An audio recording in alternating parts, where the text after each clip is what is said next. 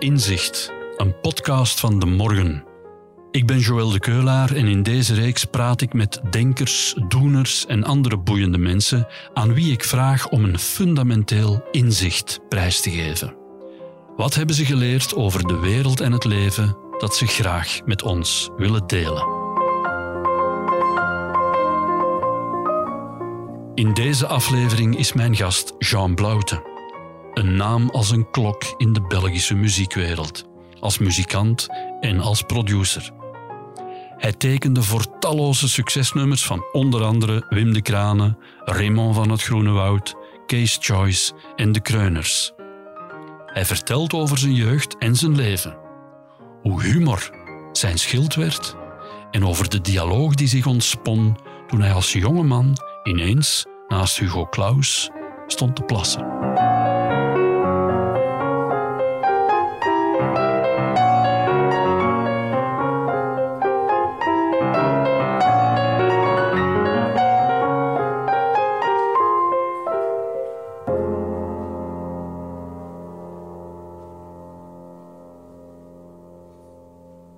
Blaute, welkom in onze podcast.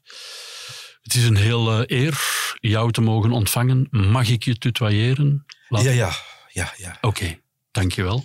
Um, je behoeft weinig introductie bij de luisteraar. Je bent een monument in de Vlaamse muziekwereld als muzikant, als producer van Wim de Kraner, Remo van het Groenewoud, de Kreuners, Kees, noem maar op, noem maar op. bedoel, er komt geen einde aan het aantal vedetten met wie je hebt gewerkt. Uh, mensen kennen je natuurlijk ook van humoristische televisie- en radioshows. En van het boek dat je enkele maanden geleden hebt gepubliceerd, uh, Met vallen en opstaan, een soort, ja, de memoires van Jean Blaute. Jean, mijn vraag aan jou is dezelfde als de vraag die ik aan iedereen stel in deze podcast. Welk inzicht heeft het leven jou tot dusver opgeleverd dat je graag eens met ons zou willen delen? Wel, Joël, ik mag ook tutoyeren. Graag.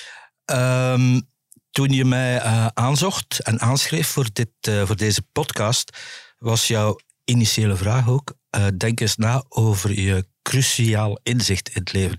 En toen sloeg ik al eh, in een knoop, zeg maar, een soort paniek van, man, wat vraagt die me nu? Want ik heb dat niet, een cruciaal inzicht. ik begon na te denken, wat is een cruciaal inzicht? En hoe meer ik daarover nadacht en, en, en tot de vaststelling kwam dat mijn levenswandel niet gestuurd wordt door een inzicht, besloot ik dat dat eigenlijk mijn cruciaal inzicht is. Ik heb er in wezen geen, en ik heb het dan naar jou toe vertaald als men wordt wat men al is. Natuurlijk is dat uh, een nogal uh, goedkope veralgemening. Ik, ik, ik zie mezelf niet als uh, pas pro toto voor de rest van de wereld. En zeker niet voor kindjes die in een oorlog geboren worden of, of, of tijdens een aardbeving. Maar zeg maar, voor ons uh, verwende westerlingen, dacht ik, maar eigenlijk ben ik geen haar veranderd sinds ik vier, vijf jaar ben. Ik, en ik was ook altijd muzikant in mijn hoofd. Je wordt wat je bent. En dan word je dat. Uh, ik herinner me, je bent ook een, een, fanatieke koersliefhebber, ik weet dat. Ja, ja ik zit uh, ademloos uh, naar elke pedaalslag te kijken. Ja. Dat is zeker, dat is zeker. Met geschoren beren trouwens. Zeker weten. Ik herinner mij een fotootje en een filmpje zelfs, dat ken je vast, uh, van de, de vijf, zesjarige Eddie Merckx, die rond, op het pleintje rond het uh, kruidenierswinkeltje van zijn uh, moeder en vader in Brussel met zijn fietsje rijdt. En hij heeft later verteld, en ik beelde mij in dat ik de Ronde van Frankrijk aan het winnen was. En als ik foto's zie van de zeer jonge, zelfs de jonge Beatles, zelfs een 15-jarige George Harrison, zie ik ook van, ze waren het al. En dat, dat heb je. Maar dat hoeven niet altijd beroemdheden of uh, bekende kunstenaars of op sportmannen te zijn. Dat geldt ook voor, voor dat jongetje in de klas dat alles kon repareren als, als wij bij, bij ons uh, twee linkerhanden dat niet konden, hadden we altijd André die dat kon repareren. En later was het André die wij moesten bellen als onze wc verstopt zat. er zit heel veel toekomst in ons zonder dat we het beseffen of zonder dat we het weten. Ja. En dat bedoel ik eigenlijk met die boetade. Ik weet, uh, je wordt wie je bent, dat je het daar bij Friede Lesage uh, in Touché ook over gehad hebt. Ik heb expres niet geluisterd om als een om met een zekere fruitige frisheid Jean Blauwte te kunnen benaderen ja. uh, met deze vraag. Er zijn natuurlijk wel heel veel jongetjes die op hun vijf jaar met de fiets het blokje rondrijden uh, in, in, de, in de verwachting en de hoop dat ze ooit de Tour gaan winnen. Maar er is maar één Eddy Merckx. Ja, dat, dat, uh, dat is dat excelleren, hè, waar, waar we het woord dat we tegenwoordig misschien een beetje te vaak horen. Mm -hmm. Maar ik bedoel hiermee dat als er geen ongelukken in de weg staan, zoals ik al zei, oorlog of, of, of rampen, mm -hmm. of de dood van je ouders, onverwachte uh, rampspoed, dat je eigenlijk al. Ik, ik ben niet religieus gelovig, hè, maar ik, ik geloof wel in, in, onze genetische samenstelling, ons DNA, uh, dat ons dat al heel vroeg de richting uitstuurt waar we uiteindelijk zullen terechtkomen en ook vaak eindigen of zullen eindigen. Ja. Het heeft niets met religie te maken of, of met uh, wishful thinking. Het gebeurt gewoon. En um, ik heb dat zinnetje ja, ik heb dat gebruikt bij Friedel nadat ik het naar u had gestuurd. Naar, okay, naar jou nee. had gestuurd. En ik dacht, oei, Joël gaat kwaad zijn. Nee, nee, helemaal niet. Uh, ah, nee, helemaal niet. Is helemaal niet kwaad. Maar het, het, het geldt natuurlijk voor mezelf. Ik, anders, de, de vraag was ook aan mij gesteld. Uiteraard. Wat, wat ja. is uh, uh, je cruciaal inzicht? Is dat nu een inzicht? Wel, ik ben tot dat inzicht gekomen door de vraag. Ja. Want anders had ik nooit aan zoiets prachtigs gedacht. Uh, het doet me denken aan John Lennon, die zei: uh, Life is what happens while making other plans. Mm -hmm. Maar hij heeft ook gezegd: ieder kind is een kunstenaar tot men zegt dat je het niet bent. En ik heb, ik heb het geluk gehad dat ik fantastische ouders had die ook in de muziekwereld uh, uh. Ja, je bent op, opgegroeid in een muziekwinkel. Ik ben opgegroeid in een muziekwinkel en mijn vader muzikant, mijn moeder muzikant. Ja. Vrienden van mijn ouders waren muzikanten, kunstenaars, ook uh, veel beeldende kunstenaars, acteurs. Dus er was niets... Dat moest ik niet verwerven. Maar wat je wel moet verwerven, is het kunnen, de ja. kunde. Ja. Want je wordt niet geboren als virtuoze pianist of gitaarspeler natuurlijk. Dat vergt discipline en oefening. Nee, en nu kom ik alweer bij een quote van een andere goede oude vriend die er niet meer is, van Dr. Aldus P. Die zei, toen hij mij leerde kennen was ik heel bevlogen. Uh, ik ontbrak mij ook niet aan brani. Daar kon Hugo Claus zelfs ooit eens van getuigen in een toilet. Verder ga Nee, dat ga ik niet vertellen. details? Maar nee, nee, we, we, we hebben geen vuile manieren gedaan. Uh, nee, hij stond dus naast mij te plassen, echt waar, in Ja. een Gens café. En hij, hij had eerst gedaan. En hij zei, voilà meneer Bluiten, zo hebt je naast Hugo Claus gepist. En ik zei, vol brani, ik was 22 jaar. Ik zei, ik zei en u naast Jean Bluiten, meneer Claus. maar eh, wat was ik eigenlijk aan het vertellen?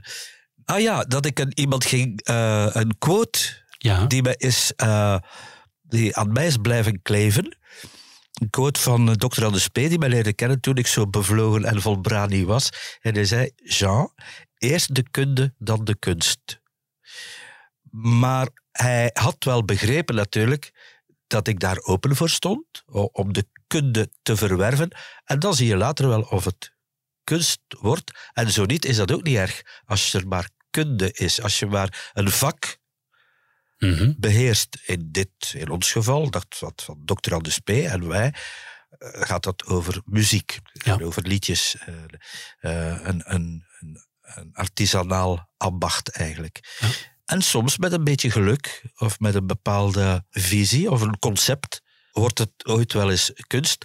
Zeker als je het na 50 jaar nog eens mag op de radio horen en het heet Tim en het wordt gezongen door Wim de Krane, dan denk ik van, misschien begint dit al stilaan aan te leunen bij wat men kunst noemt. Ja. Jij hebt de prachtigste dingen gemaakt, hè Jean. Toen je mij dat inzicht mailde, moest ik ook meteen denken, of vroeg ik mij meteen af, bedoelt hij daarmee ook dat je bij wijze van spreken van een slechterik geen heilige kunt maken en omgekeerd. Dat je ook hoe je in elkaar zit als mens, je karakter, je, je, je, je, hoe je omgaat met anderen en zo verder, dat dat ook een beetje beantwoordt dat ook aan, ja, je wordt wat je bent. Ja, uh, maar natuurlijk er bestaat zoiets als opvoeding. Mhm. Enorm belangrijk. Een, een um, gepast en liefst aangenaam milieu om op te groeien. Opvoeding. Maar ik geloof ook wel in een bescheiden en goed ge, georganiseerde vorm van heropvoeding. Okay, dus als je, als je zegt ja. een slechterik, ja, iemand kan uh, in, uh, ergens op het foute pad geraken. Uh, dat gebeurt vaak in je jeugd of, of, of ja, of rond de jeugdwisseling met het, uh, wat ze noemen slechte vrienden. En ja, dan kan er wel iets fout gaan. En dan zal de gepaste meneer de juge of, of uh, de opvoeder, heropvoeding, er wel kunnen in slagen om van die gast die is, of meisje, die, die eens uh, een winkelruit heeft ingeslagen en de kassa beroofd, ervoor te zorgen dat hij dat nooit meer gaat doen. Maar dan is dat ook niet echt een slechterik. Als iemand echt slecht is, ik ga ook weer terug naar, uh, naar uw vriendjes en, en, en, en kleine collegaatjes op school. Er zat ook altijd al een verradertje en een champetterke en, en, een, en een, uh, een overdrager. Meester? Die was er ook al, maar ook eigenlijk al een kleine slechterik, hè? Die, die in uw boekentas piste of er, uh, of er uw, uw Parker-stilo uitpikte en later uh, een, een uh, fantastisch virtuoze dief werd. Ik denk niet dat daar veel aan te doen valt. Want als hij dan uiteindelijk in de gevangenis belandt, dan doen ze dat daar verder, want de gevangenis blijkt dan ook de universiteit te zijn van ja. uh, de wetteloosheid en de, de onge ongecontroleerde samfoutisme. Van, ach, wat kan de wereld mij... Hoe is dat en wij noemen ja. dat slechterikken. Ja, ja, dat is misschien een beetje, Ja, dat is ook weer van dat is ook een beetje slecht van ons om dat, om dat zo te doen. Ja, maar wij zijn ook slechterikken. Ja, Ik weet het niet. ja jij wel. Ik, ik niet, maar jij wel. ja, ik, de memoires, als je, eh, je hebt, hè, eh, ja, toch vind ik dat een, eh, een, een, een, een, een, een mooi boek dat die titel ook verdient, hè, omdat je, je, je veel vertelt en openhartig bent en zo verder. Maar jij bent nog altijd dezelfde als die vijfjarige jongen in de, in de muziekwinkel? Echt waar. En ik, ik voel dat. En hoe ouder ik word, ik word heel binnenkort 71, hoe meer ik me daarvan eh, van bewust ben. Ook als ik al eh, oude vrienden tegenkom. Ik ben nog altijd bevriend met mijn eh, schoolkameraden uit de Latijn-Griekse. We waren maar met z'n zeven. Mhm. Dus het is makkelijk om ze te onthouden. Maar we zijn altijd vrienden, al zien we elkaar niet. En het eerste wat ik dan hoor is altijd van Jean, je haar veranderd. Je kent die uitdrukking wel. Maar je zegt dat ook niet zomaar van iedereen. Hè? Want er zijn mensen die wel veranderd zijn. De fysionomie, maar ook ja, de, de, de stijl of het gebrek eraan in de omgang. Uh, in mijn geval ho- hoor ik wel eens het, het woord humor vallen. En ik doe dat dan niet met opzet, Mhm. humoristisch zijn of de mensen aan het. Het is de aard van het beestje. Dat is de aard van het beestje? Ja. En de aard van mijn moeder. Ja. En Ja, want je zegt van als je een van de dingen en je hebt verschrikkelijke eh, pijn in je rug en je komt bij de reumatoloog of bij wie kom je? ja, ja, ja, ja. En dan zeg je dokter, ik kom mijn lichaam aan de wetenschap schenken. ja, Dat soort zwarte, ja, bijna zwarte humor die. Ja. Dat is eigen aan. eh, mijn zuster heeft dat ook. Dat mijn, mijn zuster is veel grappiger dan ik. Die lijkt ook enorm op mijn moeder. Dus ik, ik, als ik mijn zus zie, zie ik eigenlijk mijn moeder terug. Maar ik moet ook altijd enorm lachen met alles wat mijn zus zegt. Ook als, al bedoelt ze het niet om te lachen. Ze heeft een soort kronkel die ik ook koppel aan een vorm van behaagzucht. Aan eh, een, een, Paul McCartneyisme. Eh, Paul McCartney is me. ja, De liefste, schattigste, sympathiekste van de Ja, hoop ja, om, om, om, het, het is een schild, hoor, dat, ook dat, dat, die humor. Maar ik ben ook opgegroeid achter de toonbank van die winkel.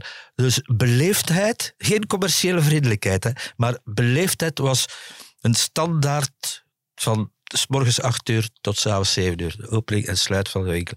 Toen nog zes dagen per week. Ook al was je slecht gezind of, uh, of beviel de toon van die klant je niet, toch moest je beleefd blijven.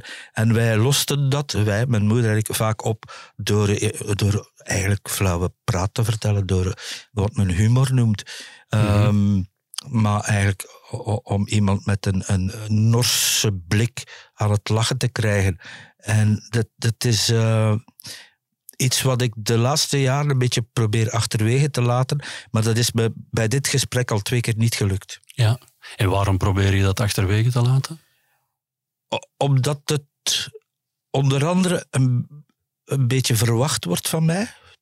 Dan denk ik van, hé, hey, ik, ik, ik sta... Hier, de Jean, vertelde eens iets ja, Oh, hij komt binnen, lachen geblazen. En dat, dat is eigenlijk niet zo. Want ook hoe ouder ik word, uh, ja, wordt men ook een beetje een oudere melancholicus. Dat, dat, dat, dat uh, is amper uh, tegen te houden. Mm -hmm. Doe ik mijn best. Nostalgisch ben ik niet. Dat, dat, dat zie ik bij mijn leeftijdsgenoten al, al, al ruim twintig jaar. Hè, van als ze rond de vijftig gaan, is het al van ja, in onze tijd. En dan heb ik neiging om zeer hard weg te lopen. Is het waar? Ja, omdat onze tijd nu is. Hè. En uh, ook, het was vroeger niet beter hoor. Uh, we waren vroeger jonger. Ja. ja. Wij waren beter. Maar de tijden, ja, nu leven we weer in benarde tijden. Dat, dat is gewoon waar. Dat lees je in de krant enzovoort, in de media. Maar Wanneer waren de tijden fantastisch? Ik zou het niet weten. In 1302 misschien even op een, op een veld in de buurt van Kortrijk. maar uh, nostalgisch ben ik niet, omdat ik ook uh, dankbaar ben voor uh, wat ik heb mogen beleven. Wat ik eigenlijk gekregen heb van het leven, dus ook van de mensen rondom mij heen. En dan bedoel ik in de eerste plaats even mijn familie buiten beschouwing gelaten. Mijn mhm. ouders en mijn kinderen. Maar uh, de, de, van de wereld. Ik heb heel veel vertrouwen gekregen van mensen, dus van artiesten die ik geproduceerd heb, of waarmee ik ook opgetreden heb. Maar, maar mensen, je bent pas producer als de artiest of de band je 100% vertrouwt. Ja dat vertrouwen moet wederzijds zijn, maar het komt toch in de eerste plaats van de artiest naar de producer toe. Daar ben ik tot op heden zeer dankbaar voor, eigenlijk meer en meer. Als ik er, uh, natuurlijk ook door dat boek, ja. uh, ik ben daar twee jaar mee bezig geweest met uh, met de, de professionele hulp van Peter van Dijk, die ik daar altijd bij vernoem. Want ik had mezelf klem gereden in het schrijven. Ja. Zie je, dat gebeurt dan ook. Hè. Je maakt 700 nota's, je begint te schrijven. Ja. heb ik gedaan, hè. ik heb geschreven. Hè. Ja. En op een gegeven moment blokkeerde ik. Van, ja, en wat nu? En dan heb ik de hulp gekregen van, van, een echte, van iemand die mij structuur heeft gegeven. Want structuur is ook iets wat ik in mijn leven eigenlijk niet heb gehad, omdat ik het simpelweg niet nodig vond. Het ene volgde uit het andere. Ja. Zowel. Uh, heb je te onbezonnen geleefd? Er, uh, eigenlijk, ja, een beetje wel. Uh, maar aan de andere kant heb ik daar niet echt spijt van. Nee, maar weet, weet je waarom ik dat vraag? Nee met dit palmares, het staat afgedrukt in je boek, en wat je allemaal hebt gedaan, met mm. wie als producer en zo verder, en wat je allemaal hebt, uh, de, de hits ja. en de, de, de succesalbums die je aan elkaar geregen hebt, dat is zo indrukwekkend. Normaal gesproken zou ik denken, Jean Blouten die moet ergens in een villa wonen met een zwembad en een sauna en, uh, ja, maar ik kan en, en gouden kranen aan zijn marmeren bad. Ja, ik heb een gouden kraan, maar dat is privé. Uh, maar ik kan amper zwemmen. Oké, dus dat zwembad dus, heb je niet nodig? Nee, en een, een, villa zou ik ook niet kopen. Maar ik was alweer aan het ontwijken met onnozelheid. Um, maar ik heb het allemaal heel makkelijk opgedaan. Uh, uh, laten waaien. Ik rij, mm -hmm. reis wel eens graag. Ik heb met motos gereden, vier telkens ik een gitaar zag die ik, uh, wauw, die ik absoluut nodig had. Want gitaristen hebben heel veel gitaren nodig, terwijl je maar op één kunt spelen. Ik heb dat allemaal niet laten aan mij voorbij gaan. Eh, er zijn nu eenmaal restaurants en horecabedrijven. Ehm, Je hebt goed geleefd. Ja, dat, zo, zo wordt dat genoemd. Hè? Zo, zo noemt men dat. Ik heb goed geleefd. Ik heb niet echt gelet op de spaarpot. Ik heb daar eigenlijk niet op gelet. Niet eigenlijk een beetje, gewoon 0,0. Omdat er zich altijd, ook na een, een, een periode van werkloosheid, want die doen zich in mijn vak als kleine zelfstandige de afgelopen 50 jaar. Ja. Want mensen kennen alleen natuurlijk de hoogtepunten, de successen. Je, je moet maar eens drie keer naar elkaar op tv komen. Dan ben je al rijk. Ja. Ja, voor Niels de Stadsbader geldt dat waarschijnlijk, maar voor mij is dat het soort programma's waar ik al eens in verscheen, dat waren niet die goudmijnen. Dat waren de drie wijzen en de rechtvaardige rechters. ja, en, eh, ja. de poor man's media en eh, de poor people's media. Ja, en ehm, ik heb ook altijd, toen het in de muziek wat minder ging, dat, dat kan gaan over drie, vier maanden, toen zei ik, als men mij belde voor een, de drie wijzen of voor eh, de rechtvaardige ik, oh ja, ja, ik heb tijd. Drie maanden later had ik geen tijd. Dus ik, ik heb altijd wel die luxe gehad Ja. om de keuze te kunnen maken en om te overleven en ook om soms goed te leven. En ik heb nooit gedacht dat je tegen het einde, op je 67ste, dat je kan ziek worden, dat je ja, sowieso ouder wordt, dat er een coronapandemie de wereld verlamt. Ik heb geen corona gehad, want ik las altijd eh, op Twitter van iemand die, mij totaal vreemd is, dat ik een mondmasker moest dragen. ik heb dat dan maar gedaan. Eh, dus ja, ik ben op, op dat gebied zeer gehoorzaam, als het over medische zaken gaat. Maar ik heb, eh, ik, heb daar geen, ik heb er geen rekening mee gehouden dat het wel eens zou kunnen stilvallen. En met, ik bedoel de inkomsten. Hè. Ja. Ik heb een m- mini eenmans BVBA'tje. En dat moet natuurlijk, wettelijk, mag dat eigenlijk niet in het rood staan. Hè. Dat, dat is de wet, maar goed, de meeste BVBA's staan in het rood. Maar je mag natuurlijk niet te ver in het rood staan. En dat is bij, in mijn geval de afgelopen jaren wel gebeurd. En ja, dat zet je dan wel aan het nadenken van, oh, wat gaan we nu doen? Dan heb ik maar ja gezegd tegen meneer Lano. Ja, ik, een- zal, ik zal een boek maken. Een boek wat je gaat op tournee om Ja. te vertellen over dat boek. Ja, dus ik ben mezelf ook weer aan het heruitvinden. Wel op basis van dat boek. Dus dat boek helpt mij natuurlijk bij, Ja. het, bij eh, mijn vertellingen op podium. Maar ik speel gitaar en klavieren, eh, piano. Piano heb ik gestudeerd, goed gestudeerd trouwens. Klassiek enzovoort. En op gitaar ben ik eh, volledig autodidact. Dus ik speel liever gitaar. En ik moet dat eigenlijk nu niet van nul af aan herleren. Maar ik moet toch terug oefenen. Omdat je, eh, laten we even Je uitleggen voor je de zelfvertrouwen. Even uitleggen aan de luisteraar. Je hebt eh, last van reumatoïde artritis, zoals dat heet. En je schouders en de gewrichten en de armen enzovoort. En daarom moet je dus opnieuw leren piano spelen, gitaar spelen. Dat is iets, ja. De souplesse, maar ook eh, het zelfvertrouwen herwinnen. Want tot voor die periode, pak nu drie, vier jaar geleden, Mhm. we gaan vier jaar nemen. Toen was ik nog echt aan, reed ik nog mee in de koers. Zowel, ja. Ja, dan nam ik een gitaar je hebt, je, hebt automatismen. ja. Dat betekent niet dat je alleen maar cliché speelt, maar de automatisme van Dr. Anders Speelweer noemde dat eh, het geheugen van mijn handen. ja. Dat vind ik heel mooi. En dat, dat klopt ook. Eh, eh, zonder dat je weet, als je gans je leven een instrument of twee bespeelt, dan vinden je handen dat ook heel normaal. En nu vinden mijn handen dat niet meer zo normaal. Mijn handen vragen of eisen, bluiten, je moet oefenen. ja. En terug dat eh, de souplesse en zo, de, en de routine herwinnen. Maar echt, ik herhaal het, het zelfvertrouwen. Want dat heeft een ferme deuk gekregen. Want je moet toch een, een vorm van een klein beetje pretentie hebben om op, het, op een podium eh, te gaan staan met een zaal vol mensen die, die iets verwachten. Niet Mhm. enkel een verhaaltje, maar ook muziek. En dan moet je toch lef, ik zal het lef noemen, is beter dan pretentie. De lef hebben Lef, ja. om te beginnen dokkelen of op die snaar te gaan. En dat is nu in langzame opbouw. Had je dat als jongeman? Lef? Ja, enorm veel. Ja. I grew up in public. Niet, niet zoals Michael Jackson of Bart Peters. Het was in de straten van Zottegem. Ja. Iedereen kende mij als de zoon van. Want mijn, mijn ouders waren zeer populair. Ja. De sociale vaardigheden waren mij absoluut niet vreemd. Ik was uh, niet verlegen, maar ook niet uh, pretentieus. Want dat mocht niet van mijn moeder. Juist. Want anders was ik het zeker wel geweest. Uh, Ah. Maar ik durfde wel van mij afbijten. En, ehm, en, ehm, Maar dus die, die, die, in die muziekwereld, je hebt daar altijd met veel zelfvertrouwen in gezet. Je wist wat je kon, dit kan ik, deze groep komt naar mij, deze persoon komt naar mij.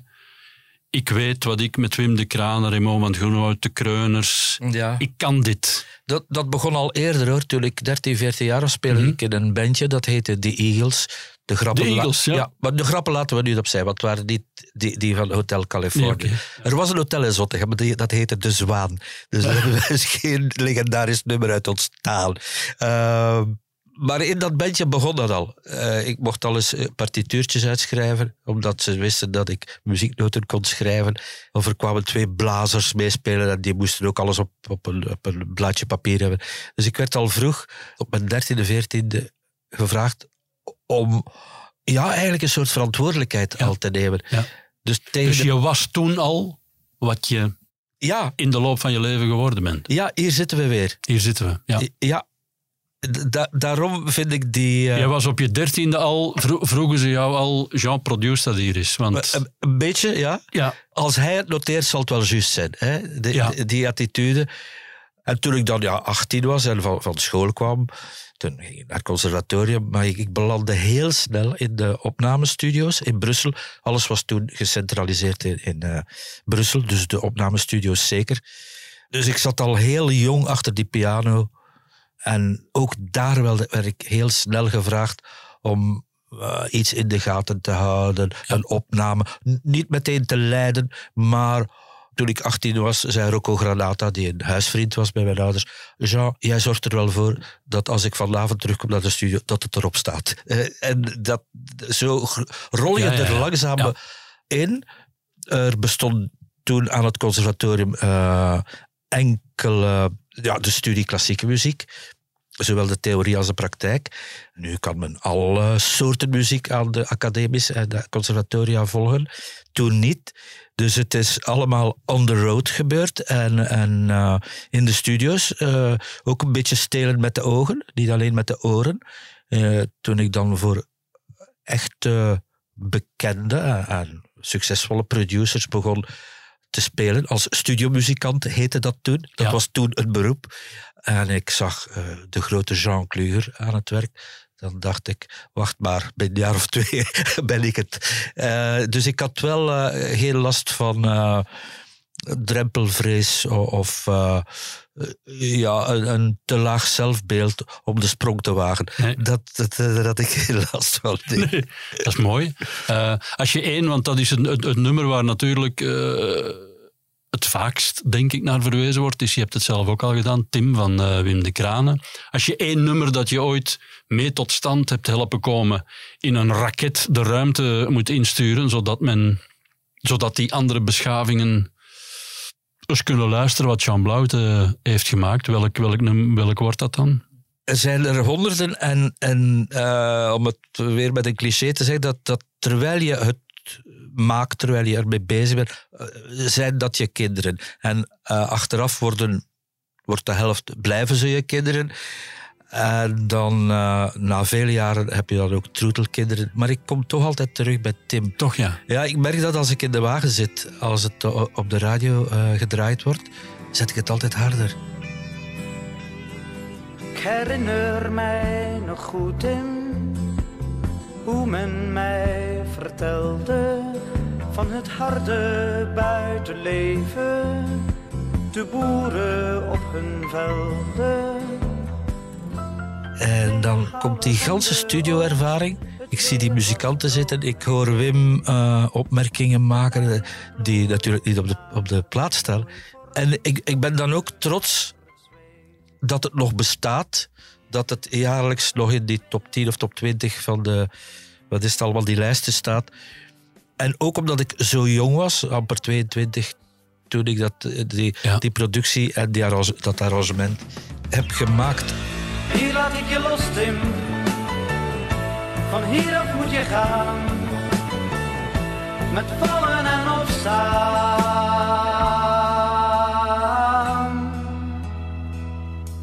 Van hieraf moet je gaan. Ik denk dat ik dat wel de ruimte eh, eh, in zou sturen. Eh, maar dan zijn er een, andere producties die ik gedaan heb, die, ik- die ik geschreven heb of opgenomen. En dan ga ik heel, kom ik heel snel bij Hugo Matthijssen terecht en bij Kulder Zipke. Omdat ik die, voor die twee reeksen de muziek gewoon bij mij thuis in mijn klein home studio helemaal zelf alleen heb gemaakt en ges- ingespeeld.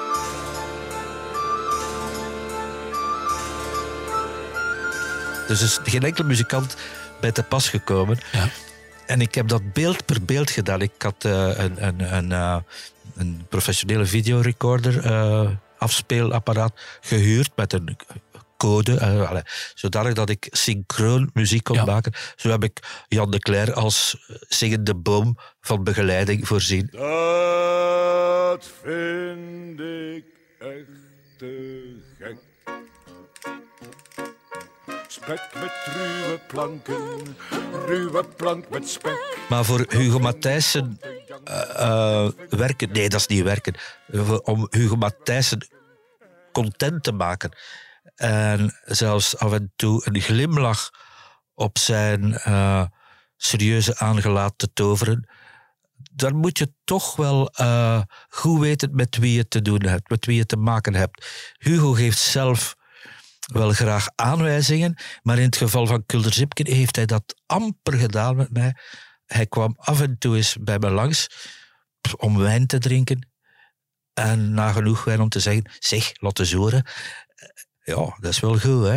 En daar eh, kan ik nog van nagenieten. Ook Ja. als ik het, eh, het wordt af en toe eruitgezonden Ja, ja. op een of andere zender. En eh, dan kijk ik daar eigenlijk naar. Maar ik, ik zie niet hetzelfde op het scherm als wat de mensen thuis zien. Ik zie mezelf in mijn studiootje staan en ieder geluidje. Want in Kulder Zipken komt geen enkele tune, behalve de begintune en de eindtune. Maar in de aflevering komt niets terug in een andere uitzending. Ze zijn allemaal op maat gemaakt. Wel met een aantal geluiden die je herkent. Dat een fluitje is kulderzipje en zo. Mhm. En, eh, Je herkent wel de duivel en zijn moeder. Eh, maar het is altijd weer anders. En daar heb ik heel, heel hard aan gewerkt. Nachten. Ja. En dat mag van mij ook de ruimte in. Maar met de beelden dan. Hè. Maar ik heb ook aan Hugo al gezegd, en tegen Bart, Bart Peters, op mijn eh, uitvaartdienst, Mhm. die waarschijnlijk toch in Zottegem zal plaatsvinden, al ben ik daar al van in 76 weg. Maar ja, daar kom ik vandaan, dus daar wil ik ook wel eindigen.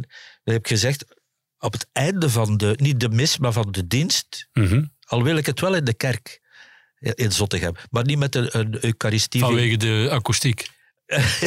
ja, oké. De locatie. Ja, de locatie. Ja. Ja. Eh, heb ik gezegd, kijk Bart en Hugo, we moeten er wel voor zorgen dat wanneer ik terug buiten Je gedragen gaat word... ervan uit dat zij nog leven dan. Ja, een van de twee zal toch. Wiskundig gesproken. Ja, een van de, de twee kans. moet het halen. Hè. Ja. Zeker Bart. Ja. Die, die, die, die, gaat, die wil niet sterven. hè. Nee, voilà, is. Eh, nee, stel dat er camera's staan. Allee, het- Eh, En wat moeten ze doen?